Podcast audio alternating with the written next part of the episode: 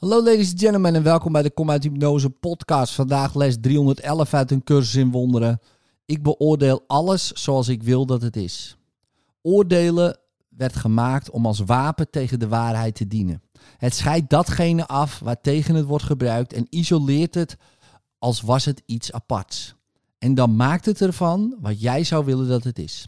Het oordeelt over wat het niet begrijpen kan, omdat het de totaliteit niet kan zien en daarom verkeerd oordeelt. Laten we er vandaag geen gebruik van maken, maar het tot een geschenk maken voor Hem die het anders weet te benutten. Hij zal ons ontlasten van de kwelling van alle oordelen die we tegen onszelf in het leven riepen.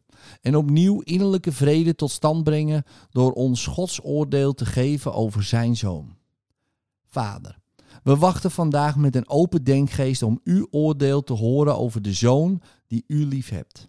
We kennen hem niet en we kunnen niet oordelen. En dus laten we uw liefde beslissen wat hij, die u als uw zoon geschapen hebt, moet zijn.